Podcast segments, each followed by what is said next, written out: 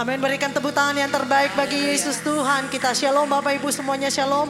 Kita bersyukur ada di tempat ini semua karena anugerah Tuhan. Amin. Mari kita bermasmur, kita meninggikan Allah yang luar biasa. Sebab dia yang layak ditinggikan, dia yang layak diagungkan.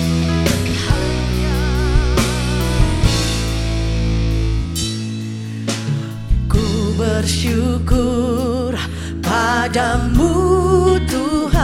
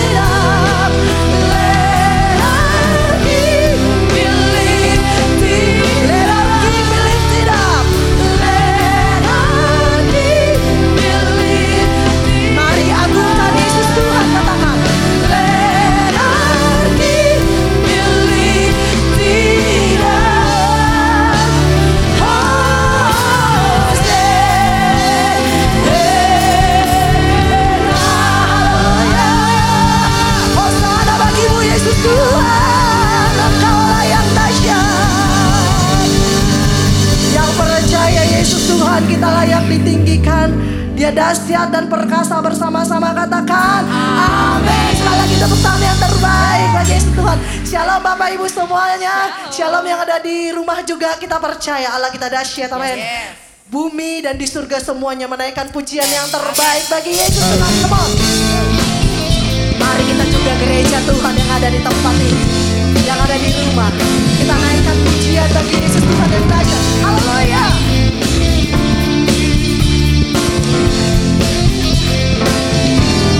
Bersama katakan Dari utara ke selatan Terdengar pujian bagi Allah Dari barat sampai ke timur nama Yesus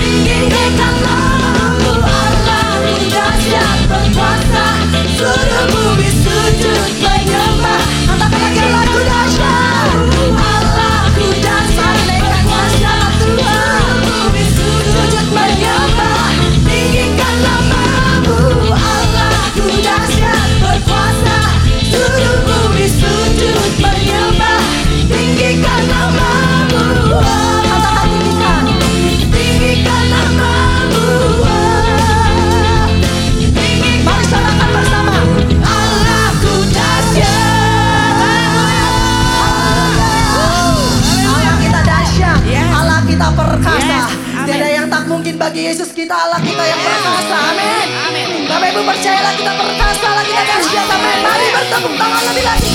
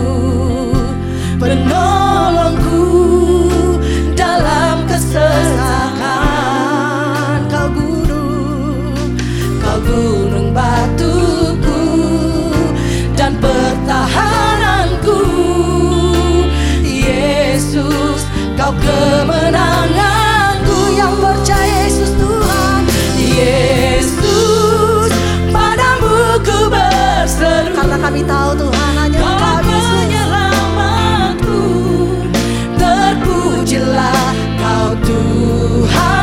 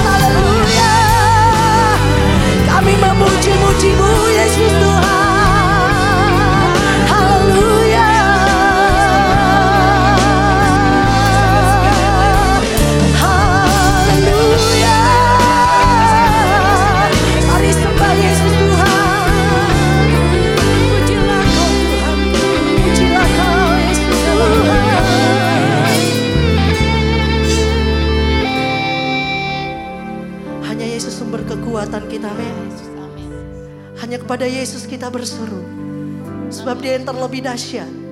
Dia yang terlebih perkasa. Dia yang terlebih ajaib. Yes. Haleluya.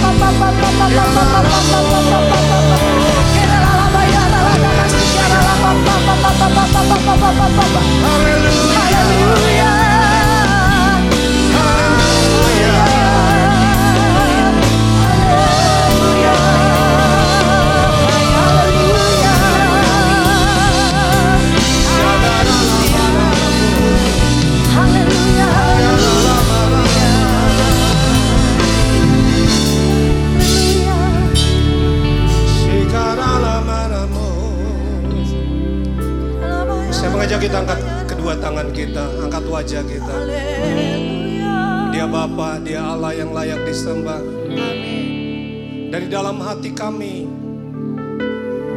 Kami angkat pujian penyembahan kami. Sebab hanya kau yang layak Tuhan. Hanya kau yang layak Yesus. Terima pujian kami. Terima penyembahan kami. Yesus Tuhan.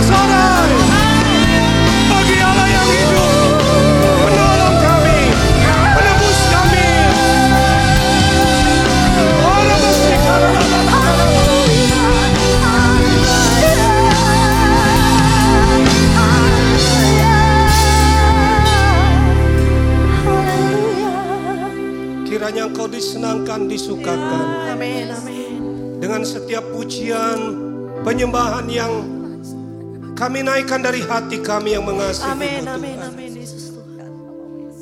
Karena perbuatan-perbuatanmu yang ajaib.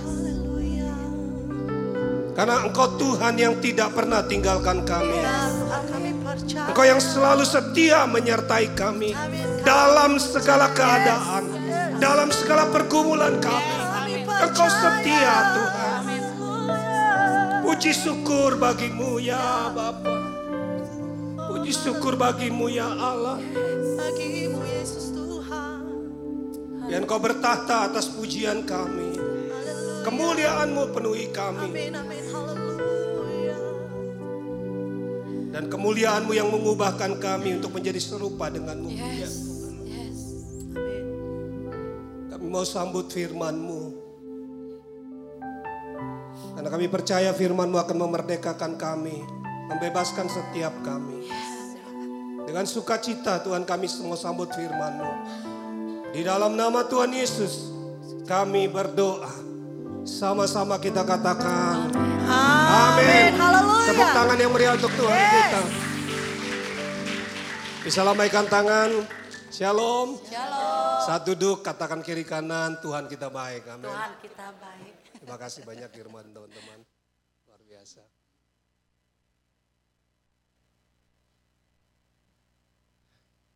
Ya, saya ingin menyapa Bapak Ibu yang ada di sini, juga yang ada di rumah. Sekali lagi shalom.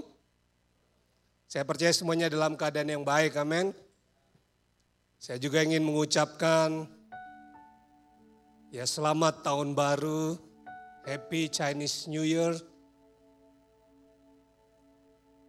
Kiranya kebahagiaan yang dari Tuhan melimpah di dalam kehidupan keluarga Bapak Ibu Saudara semua. Amin. Ada berkat yang selalu baru bagi setiap kita. Pagi hari ini saya percaya Bapak Ibu semua juga yang ada di rumah udah siap untuk terima berkat Tuhan. Amin. Lukas pasal 1 ayat 17. Pagi ini saya ingin sharing tentang mencukupkan diri, ya, cukupkanlah dirimu dengan apa yang ada padamu. Lukas 1 ayat 17 dikatakan bahwa Yohanes Pembaptis akan berjalan mendahului Tuhan dalam roh dan kuasa Elia untuk membuat hati bapak-bapak berbalik kepada anak-anaknya dan hati orang durhaka kepada pikiran orang-orang benar dan dengan demikian menyiapkan bagi Tuhan suatu umat yang layak bagi Tuhan. Jadi tugas daripada Yohanes Pembaptis ketika dia akan lahir dikatakan malaikat berkata bahwa dia akan menyiapkan suatu umat yang layak bagi Tuhan. Nah itu juga yang menjadi tugas kita sepanjang tahun ini. Lewat apa yang disampaikan oleh Tuhan lewat pemimpin-pemimpin kita. Bahwa kita punya tugas tahun ini untuk menyiapkan keluarga kita menyiapkan anggota-anggota peka yang kita gembalakan supaya mereka menjadi umat yang layak bagi Tuhan. Amin. Ini tugas kita sepanjang tahun ini. Nah, ketika memulai pelayanannya Yohanes Pembaptis berseru ya. Setelah cukup waktunya dia tampil lalu dia berseru bertobatlah kerajaan Allah sudah dekat. Dia mempersiapkan orang-orang Yahudi pada waktu itu untuk menyambut Tuhan. Dia persiapkan mereka. Dia bawa orang-orang itu bertobat, berbalik dari jalan-jalannya yang jahat. Nah, salah satu seruan yang diserukan oleh Yohanes Pembaptis itu di dalam Lukas pasal 3 ayat 14 ini salah satu yang diserukan oleh dia. Hasilkanlah buah yang sesuai dengan pertobatan. Jadi tidak hanya sekedar mereka datang bertobat. Karena mendengar seruan lalu dibaptis. Tetapi dia mengingatkan hasilkanlah buah yang sesuai dengan pertobatan. Harus ada buah-buah yang jelas, buah yang nyata untuk menunjukkan pertobatan itu. Nah, salah satu yang dia katakan adalah jawab Yohanes kepada prajurit-prajurit. Ketika prajurit-prajurit Roma yang pada waktu itu tersentuh dan mereka mau bertobat, mereka bertanya, "Lalu apa yang harus kami lakukan supaya kami bisa bertobat, supaya kami bisa menghasilkan buah pertobatan itu?" Yohanes Pembaptis katakan jangan merampas dan jangan memeras. Dan cukupkanlah dirimu dengan gajimu. Spesifik sekali. Cukupkan dirimu dengan gajimu. Dengan penghasilanmu, dengan pendapatanmu. Umum pada waktu itu prajurit-prajurit ini suka memeras orang Yahudi. Kita tahu betapa penderitaan orang Yahudi ditindas oleh orang-orang Romawi karena itu mereka menantikan kedatangan Mesias, penolong mereka. Serdadu-serdadu ini suka merampas, memeras, korupsi, dan lain sebagainya. Nah ketika mereka datang, Yohanes bilang, Cukupkanlah dirimu dengan apa yang ada padamu. Jadi dari sini kita lihat bahwa buah pertobatan yang dimaksudkan salah satunya adalah bagaimana kita bisa mencukupkan diri dengan apa yang ada pada kita. Dari ayat ini kita lihat bahwa umat yang layak itu adalah umat yang bisa mencukupkan diri dengan apa yang ada pada mereka. Amin. Karena kalau kita nggak belajar mencukupkan diri, maka hidup kita bisa berantakan. Mengikuti gaya hidup, mengikuti kebutuhan-kebutuhan. Padahal penghasilan kita, pendapatan kita cuma segini. Karena kebutuhan, keinginan kita segini. Berantakan hidup. Berapa banyak orang Kristen yang menyebut anak-anak Tuhan bermasalah di dalam keuangan. Karena kenapa? Karena nggak belajar mencukupkan diri. Gaya hidup. Yang mahal itu kan gaya hidup sebenarnya. Yang mahal kan baju yang kita pakai, sepatu yang kita pakai. Tujuan kita pergi ke mana itu kan yang buat kita mahal. Kalau kita mau mencukupkan diri dengan apa yang ada, berapapun penghasilan kita, berapapun gaji kita, kita pasti berbahagia. Karena kita akan puas, merasa cukup, cukup kok. Cukupkanlah dirimu dengan gajimu, jelas sekali. Berapapun gaji yang kita punya. Firman Tuhan ingatkan kita, belajar untuk mencukupkan diri. Sekali lagi umat yang layak adalah umat yang bisa mencukupkan dirinya. Dengan apa yang ada padanya. Supaya apa? Supaya hidupnya jadi berkat. Amin. Oh iya kalau kita mau jadi berkat, kita harus punya dong. Kalau kita nggak punya bagaimana kita mau jadi berkat?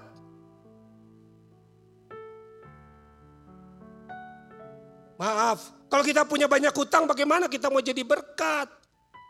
Karena gaya hidup kita gitu. Umat yang layak, umat yang bisa mencukupkan diri dengan apa yang ada padanya. Kalau itu uang orang, jangan dipakai uang orang gitu loh. Uang yang kita punya yang kita pakai. Amin. Karena itu perlu pencatatan. Dicatat dengan teliti semuanya. Jangan sampai kita rasa ini uang banyak. Padahal uang orang itu gitu loh. Banyak anak-anak Tuhan terjebak dengan yang begini gitu. Gaya hidup. Banyak uang. Wah, aduh. Gimana mau jadi berkat? Gak bisa. Umat yang layak sekali lagi adalah umat yang bisa mencukupkan diri dengan apa yang ada padamu. Itu persoalan utama kita. Dompet kita ini jadi masalah sebenarnya. Rumah tangga berapa banyak yang hancur, berantakan gara-gara apa? Gara-gara keuangan sebenarnya. Diawali dengan keuangan. Berantakan. Bertengkar, saling menyalahkan.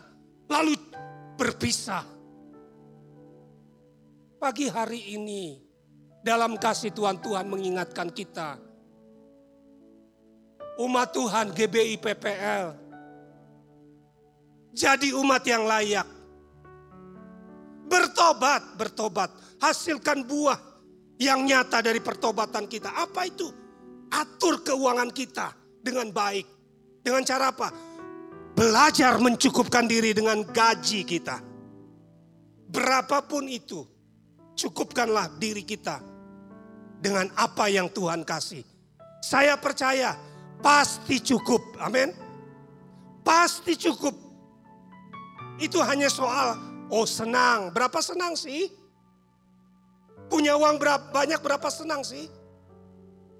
Orang punya uang banyak juga banyak persoalannya kata firman Tuhan. Banyak juga orang yang menghabiskannya. Orang yang berbahagia adalah orang yang bisa mencukupkan diri. Puas dengan apa yang ada padanya puas dengan gajinya. Dan itu adalah awal daripada umat yang layak dari ayat ini. Amin. Cukupkan dirimu. Matius 6 ayat 11. Berikanlah kami pada hari ini makanan kami yang secukupnya. Tuhan gak ngajari kita. Ya. Makan yang berlebihan. Makan lebih kan jadi masalah, betul? Nurunkan berat badan luar biasa susahnya. Sejak pandemi ini, semua orang yang ketemu saya bilang Pak Joni gemuk ya, iya puji Tuhan. Dalam hati dia nggak tahu sakit hati saya bagaimana dengar suara itu. Kenapa sih kok tema itu aja yang ditanya? Berapa kilo Pak naiknya? Saya bilang hampir 10 kilo. Ya udah, cepat sudah. Aduh, sedih kita. Kenapa? Kita berjuang. Karena apa? Makan yang lebih kan? Makannya enak. Ah, ngeluarkannya susah. Berikanlah kami pada hari ini. Itu yang diajarkan oleh Yesus. Dari sehari ke sehari makan yang cukup. Kalau ada lebih itu untuk orang lain. Amin. Untuk jadi berkat. Dalam kitab Amsal sebuah doa ditulis. Biarlah aku makan yang menjadi bagianku hari ini. Berikanlah yang menjadi bagianku ya Tuhan. Supaya kalau aku kaya aku tidak jadi sombong. Atau kalau aku, aku jadi miskin aku tidak mempermalukan nama Tuhan. Karena aku harus menipu, aku harus mencuri. Semua orang sudah ada bagiannya, amin. Anak-anak kita semua ada bagiannya. Belajar puas dengan apa yang ada. Cukupkan diri, sesuaikan diri dengan apa yang ada pada hari ini. Kalau belum ada, ya sudah jangan jangan jangan ngotot. Usah. Pada waktunya semuanya Tuhan pasti akan memberikannya kepada kita yang dikasihinya. Memang ibadah itu kalau disertai rasa cukup memberi keuntungan yang besar.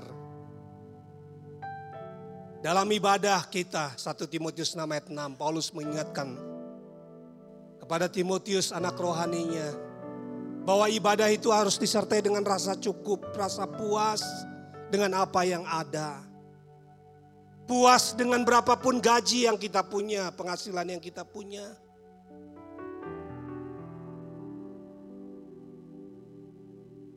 Seringkali kita dalam ibadah kita kita begini, apa yang saya dapatkan?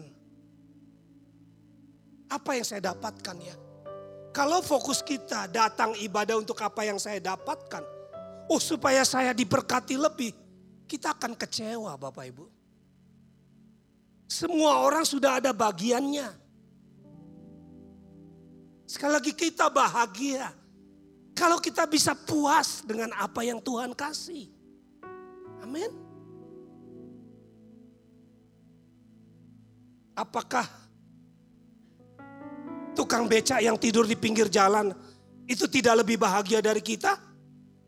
Kan gak juga. Apakah orang gila ODGJ yang ada di pinggir jalan itu, dia tidak bahagia, lebih bahagia dari kita? Enggak juga. Ternyata orang yang paling stresnya rendah itu adalah orang ODGJ itu saudara. Ya itu penelitian. Karena kenapa dia nggak punya keinginan? Dikasih aja nggak mau dia. Loh, saya nonton itu. Ya. Ilmunya bilang begitu. Ternyata tingkat stres paling rendah itu ini Orang-orang dengan gangguan jiwa itu. Karena mereka tidak punya keinginan. Bapak ibu mau stresnya rendah?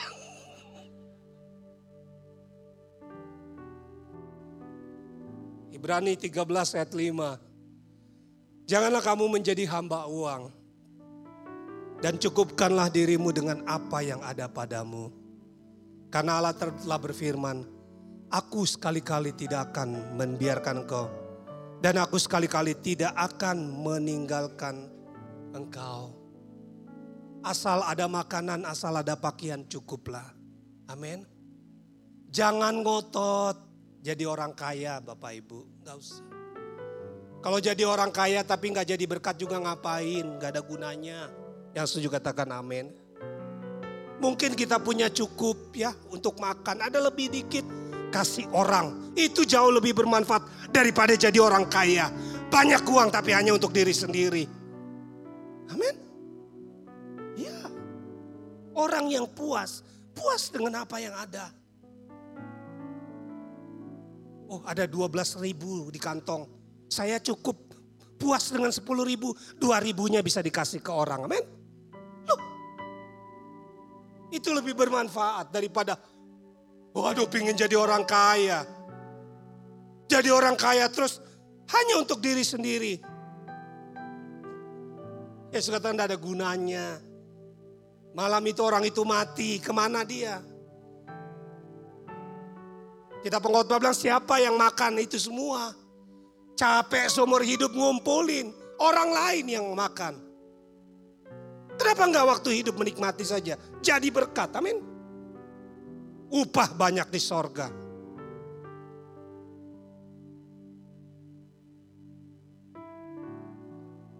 Kita datang ke dunia ini tidak bawa apa-apa. Pulang juga nggak bawa apa-apa. Kalau Tuhan kasih kita cukup, segitu cukuplah. Amin. Cukup itu indah. Kalau lebih, itu anugerah bagi kita. Untuk berbagi sama banyak orang. Banyak upah di sorga. Kita pulang nanti, oh kita terima upah dari Tuhan. Karena kita sudah tukar harta kita dunia ini dengan harta sorgawi. Dengan cara apa? Berbuat baik, memberi sedekah kepada orang lain. Jadi berkat untuk orang. Kalau kita punya rasa cukup, rasa puas dengan apa yang ada, hidup kita akan jadi berkat. Itu umat yang layak tuh itu. Mulai dengan kantong kita ini. Mulai dengan keuangan kita. Kalau itu beres, semuanya akan beres. Amin. Ku tak membawa apa pun juga saat ku datang ke dunia.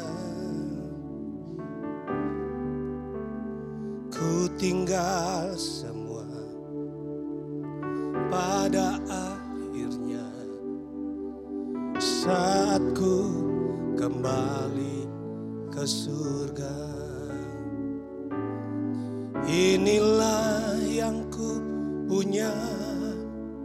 Hati sebagai hamba yang mau taat dan setia padamu Bapa.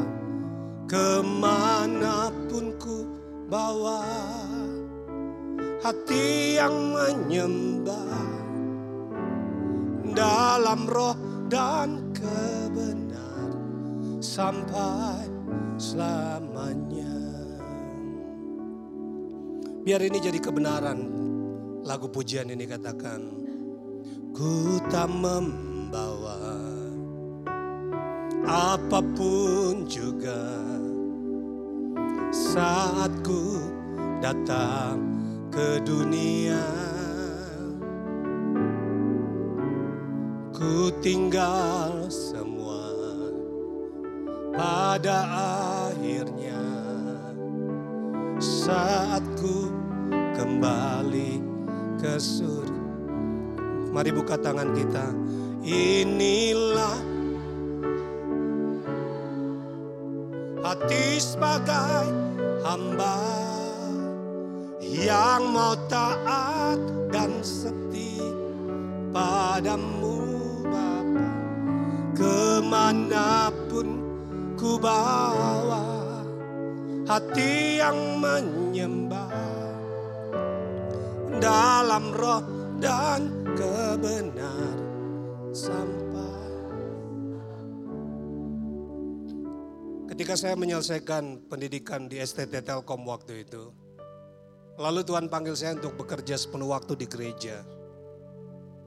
Saya keluar, ya biasanya semua ada fasilitas sekarang harus belajar untuk mengandalkan iman. Kalau ada keperluan minta sama Tuhan, pakai lutut. Awal-awal ketika jadi full timer, kami pernah mengalami ini. Hari itu istri saya ke sekolah ngantar anak-anak. Tapi dari rumah dia sudah bilang, Dek, nanti jangan beli teh botol ya ya. Anak yang kecil tuh suka teh botol dia. Di waktu itu masih TK. Dia cuma punya uang 3 ribu. Kami dari Sari Jadi bolak-balik ya 3 ribu ke Paulus Rajiman. Cuma itu aja. Ini uang 3 ribu ini untuk naik angkot. Jadi adik jangan jangan beli jangan beli teh botol ya. Oh iya mah, iya mah. Kakak juga jangan beli bobo ya. Karena dia setiap kali selesai kelasnya dia beli bobo. Kan bobo agak mahal. Jangan ya, udah diwanti-wanti. Pergi sekolah dengan 3000 rupiah itu. Tapi firman Tuhan bilang bahwa Tuhan tidak akan membiarkan kita. Tuhan tidak akan meninggalkan kita sekali-kali pun dia tidak akan meninggalkan kita. Amin. Apa yang kita khawatirkan tidak terjadi kok. Kalau kita bisa puas dengan apa yang ada. Waktu ke sekolah ada tante-tante bilang, eh, tante digerakkan ya. Eh dari dari teman, seorang teman. Dia bilang sini, saya jualan sepatu waktu itu dia jual sepatu. Ini ada untungnya. Dia kasih. Dia tahu mungkin ya anak yang kecil pingin minum teh botol. Kalau pakai 3000 itu nggak cukup ya. Lalu dia kasih berkat di situ. Dek, mau beli teh botol beli aja. Nah, boleh mah. Uh, dapat teh botol aja senangnya luar luar biasa. Boleh, mama ada uangnya? Ada. Beli. Saudara istri saya diajar untuk mengandalkan lutut kami. Dikasih hikmat. Dia duduk sama ibu-ibu. Lalu ter, terbersit di pikiran dia. Oh iya iya, Kenapa nggak jualan yang kecil-kecil? Lalu dia pergi ke Cibadak. Dia cari sapu tangan, sapu tangan. Dia beli di sana beberapa lusin, dia bawa, dia duduk. Tapi dia nggak tawarin, nggak. Orang bilang, eh itu apa? Oh sapu tangan, cie. Oh bagus juga ya. Dijual? Iya dijual. Beli, pesan, sekian lusin, ambil lagi ke Cibadak. Itu untuk beli teh botol, saudara. Itu untuk beli bobo. Karena apa yang didapatkan tidak mencukupi. Tapi kami belajar untuk mencukupkan diri dengan apa yang ada. Nah di situ Tuhan ajarin dia bikin puding saudara. Di situ. Ya. Tanpa sepengetahuan saya dia bikin puding. Dia jual. Ya. Dari situ ada lebihnya untuk beli teh botol, beli bobo. Dari situ. Satu waktu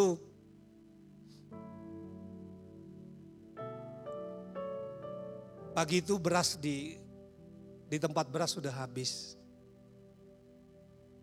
Tinggal segenggam saja. Terus dia berdoa, Tuhan, nanti suami saya pulang sore, anak-anak pulang sekolah nggak punya nasi Tuhan. Kami cuma punya beras ini aja.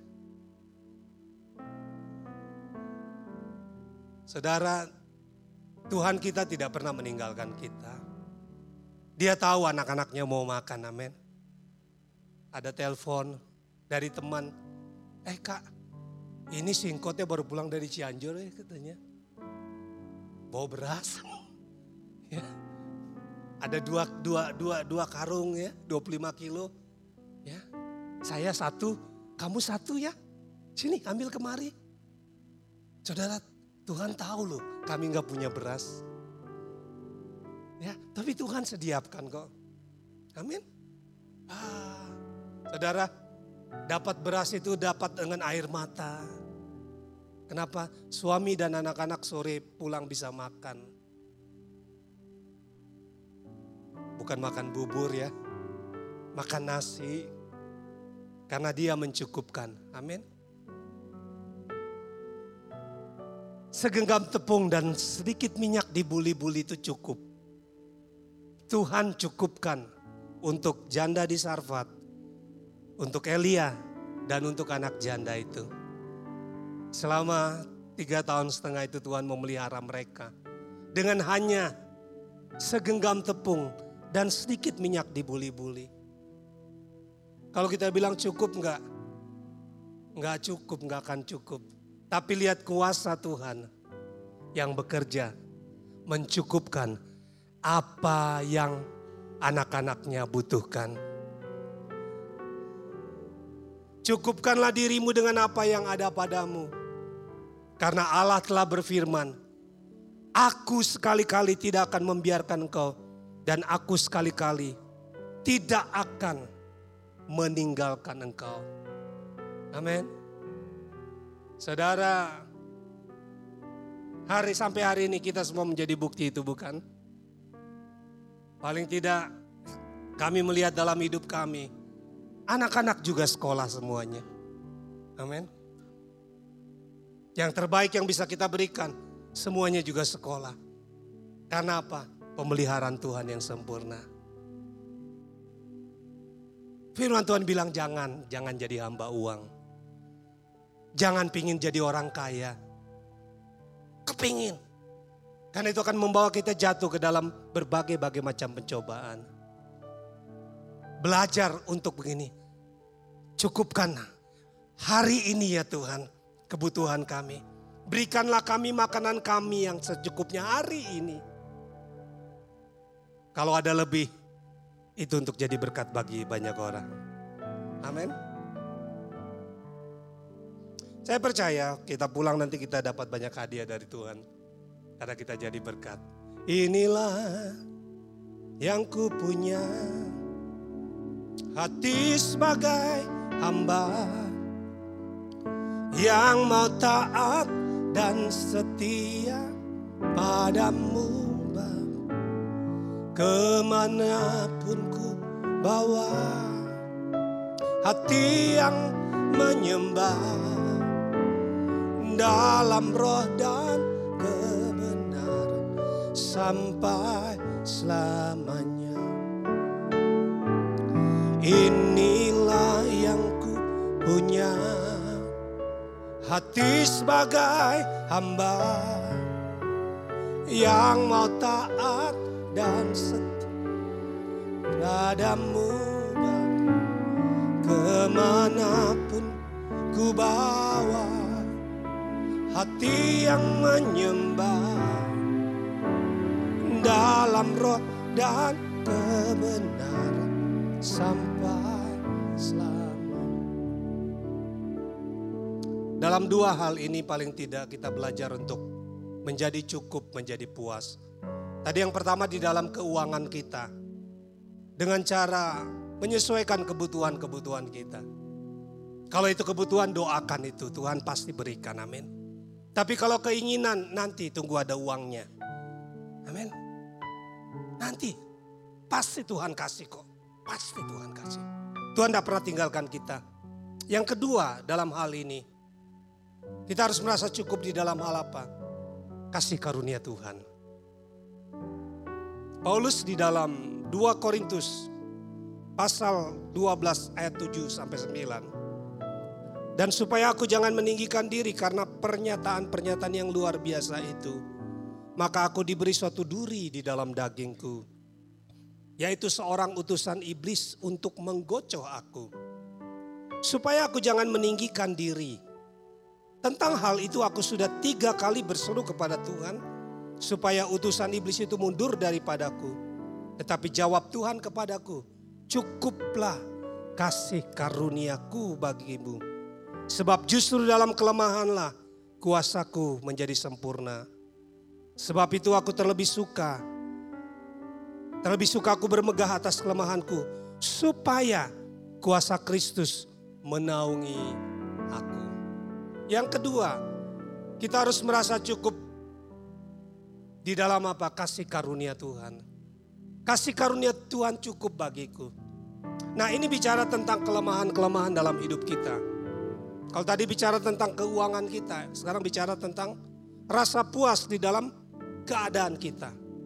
Tuhan izinkan penderitaan-penderitaan, kelemahan-kelemahan terjadi. Supaya kita jangan meninggikan diri kita. Kadang-kadang kalau tidak ada masalah, hidup kita nyaman, kita bisa jadi sombong. Kita tinggi hati, kita lupa diri. Kadang-kadang Tuhan izinkan penderitaan, kelemahan terjadi. Supaya kita belajar tetap rendah hati. Tidak sombong. Yang juga katakan amin. Paulus diberikan duri di dalam daging. Utusan iblis yang menggocok dia. Dari tafsiran yang saya baca, ini mengacu kepada kemungkinan besar adalah ada penyakit jasmani yang Tuhan izinkan yang menjadi kelemahan bagi Paulus. Dia memang tidak menyebutkan supaya dia jangan tinggi hati. Karena di dalam konteks ini dia berbicara tentang bahwa 14 tahun yang lalu dia pernah dibawa ke sorga tingkat ketiga.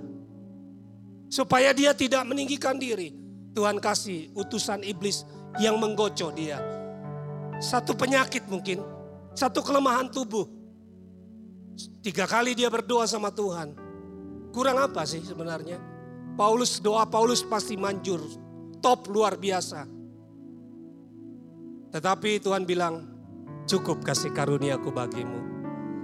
Justru dalam kelemahanmu, kuasaku menjadi sempurna. Karena itu dia bilang, terlebih suka aku bermegah karena kelemahanku.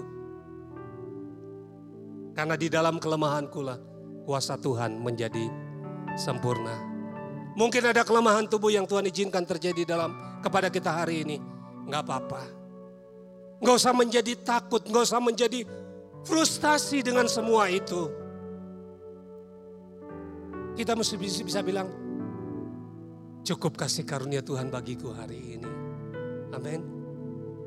Sekalipun kita punya kelemahan tubuh.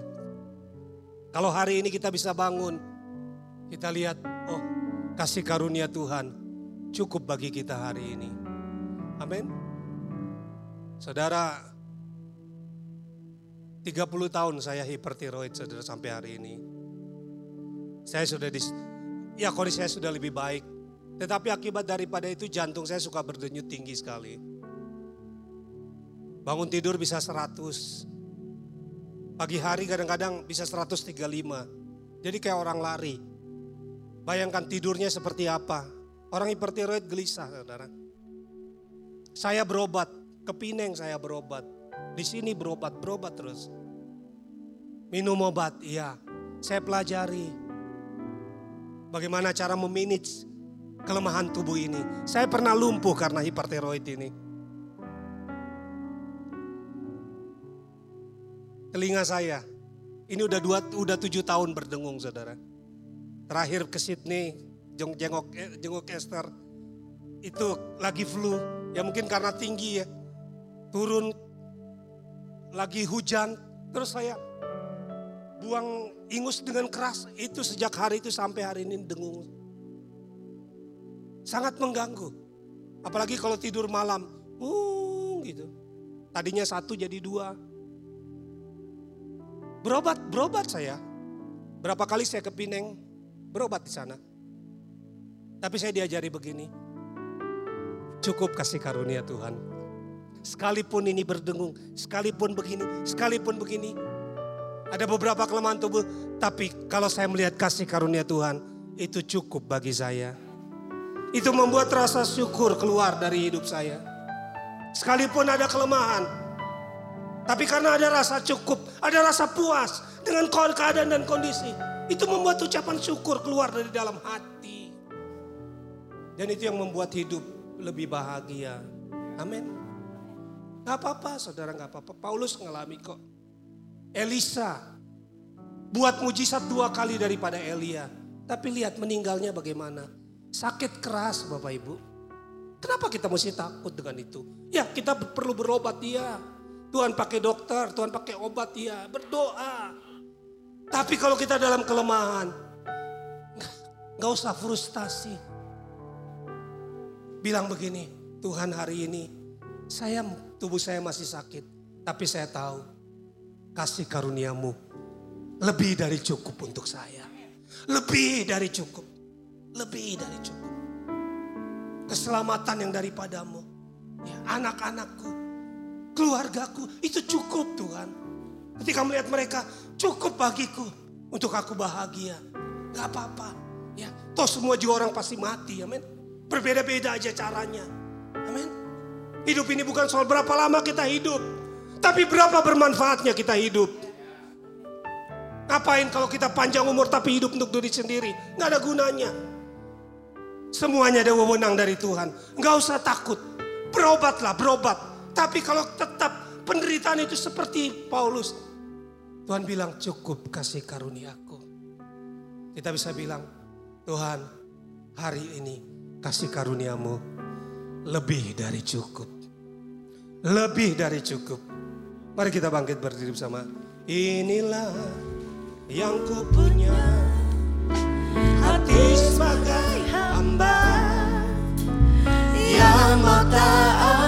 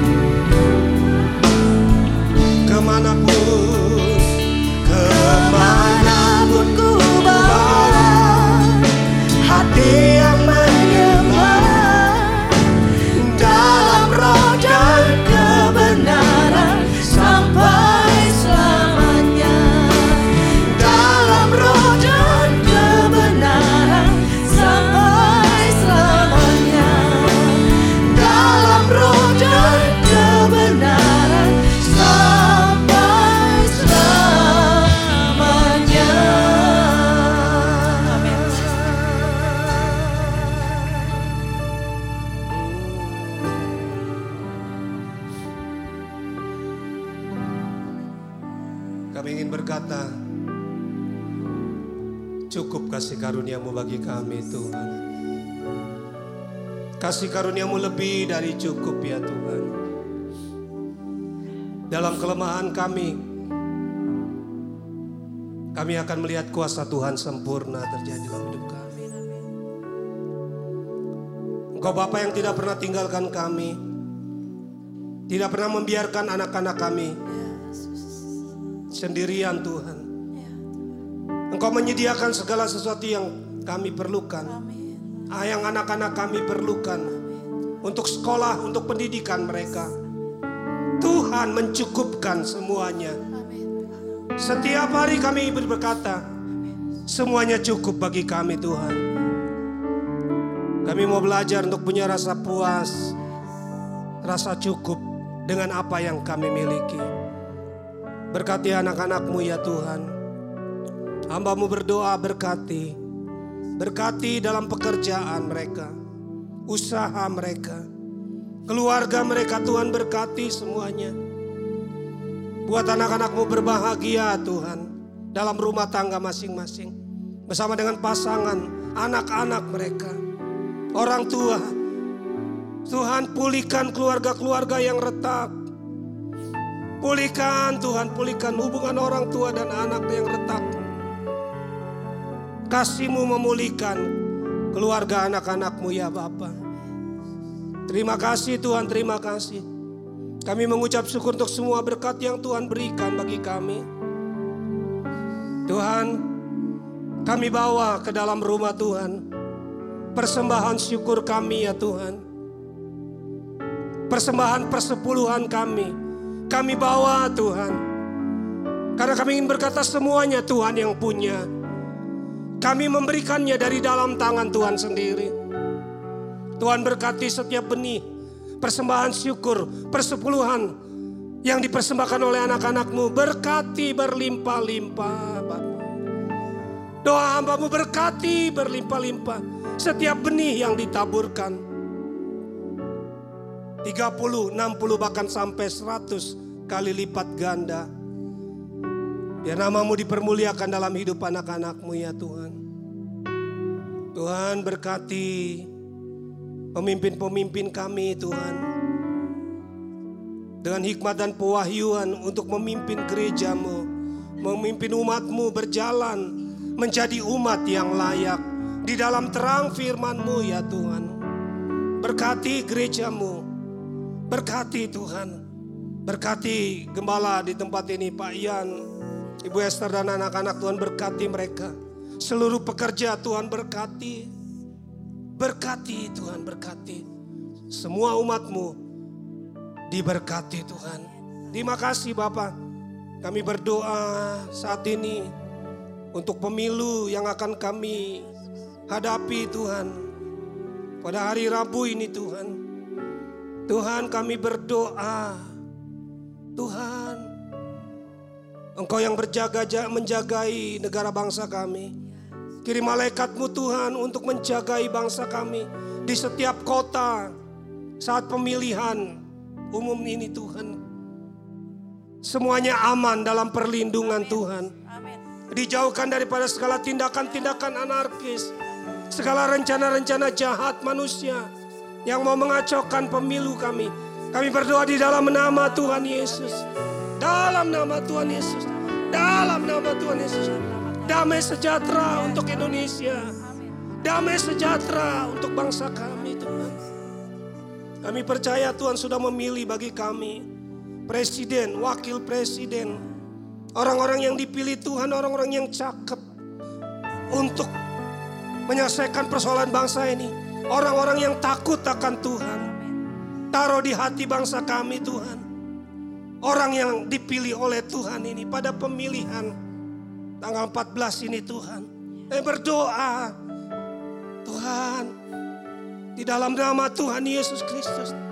Kami percaya pemimpin yang terbaik yang Tuhan sudah pilih bagi kami semua. Kepala-kepala-kepala daerah, anggota legislatif, semuanya yang terbaik yang Tuhan sudah pilihkan bagi kami. Berkatmu bagi bangsa kami, berkatmu bagi negeri kami Tuhan. Kalau sebentar kami akan tinggalkan tempat ini, kami mau angkat kedua tangan kami. Untuk menerima berkatmu mari, pulanglah saudara-saudaraku dengan membawa berkat yang berlimpah. Dari Bapa kita di sorga, cinta kasih dan anugerah Tuhan Yesus Kristus, persekutuan dan penghiburan roh kudus menyertai saudara semua. Pagi ini sampai Tuhan Yesus datang kali kedua, bahkan sampai selama-lamanya. Di dalam nama Tuhan Yesus, sama-sama kita katakan, Amin. Selamat pagi, Tuhan Yesus memberkati Bapak Ibu semua.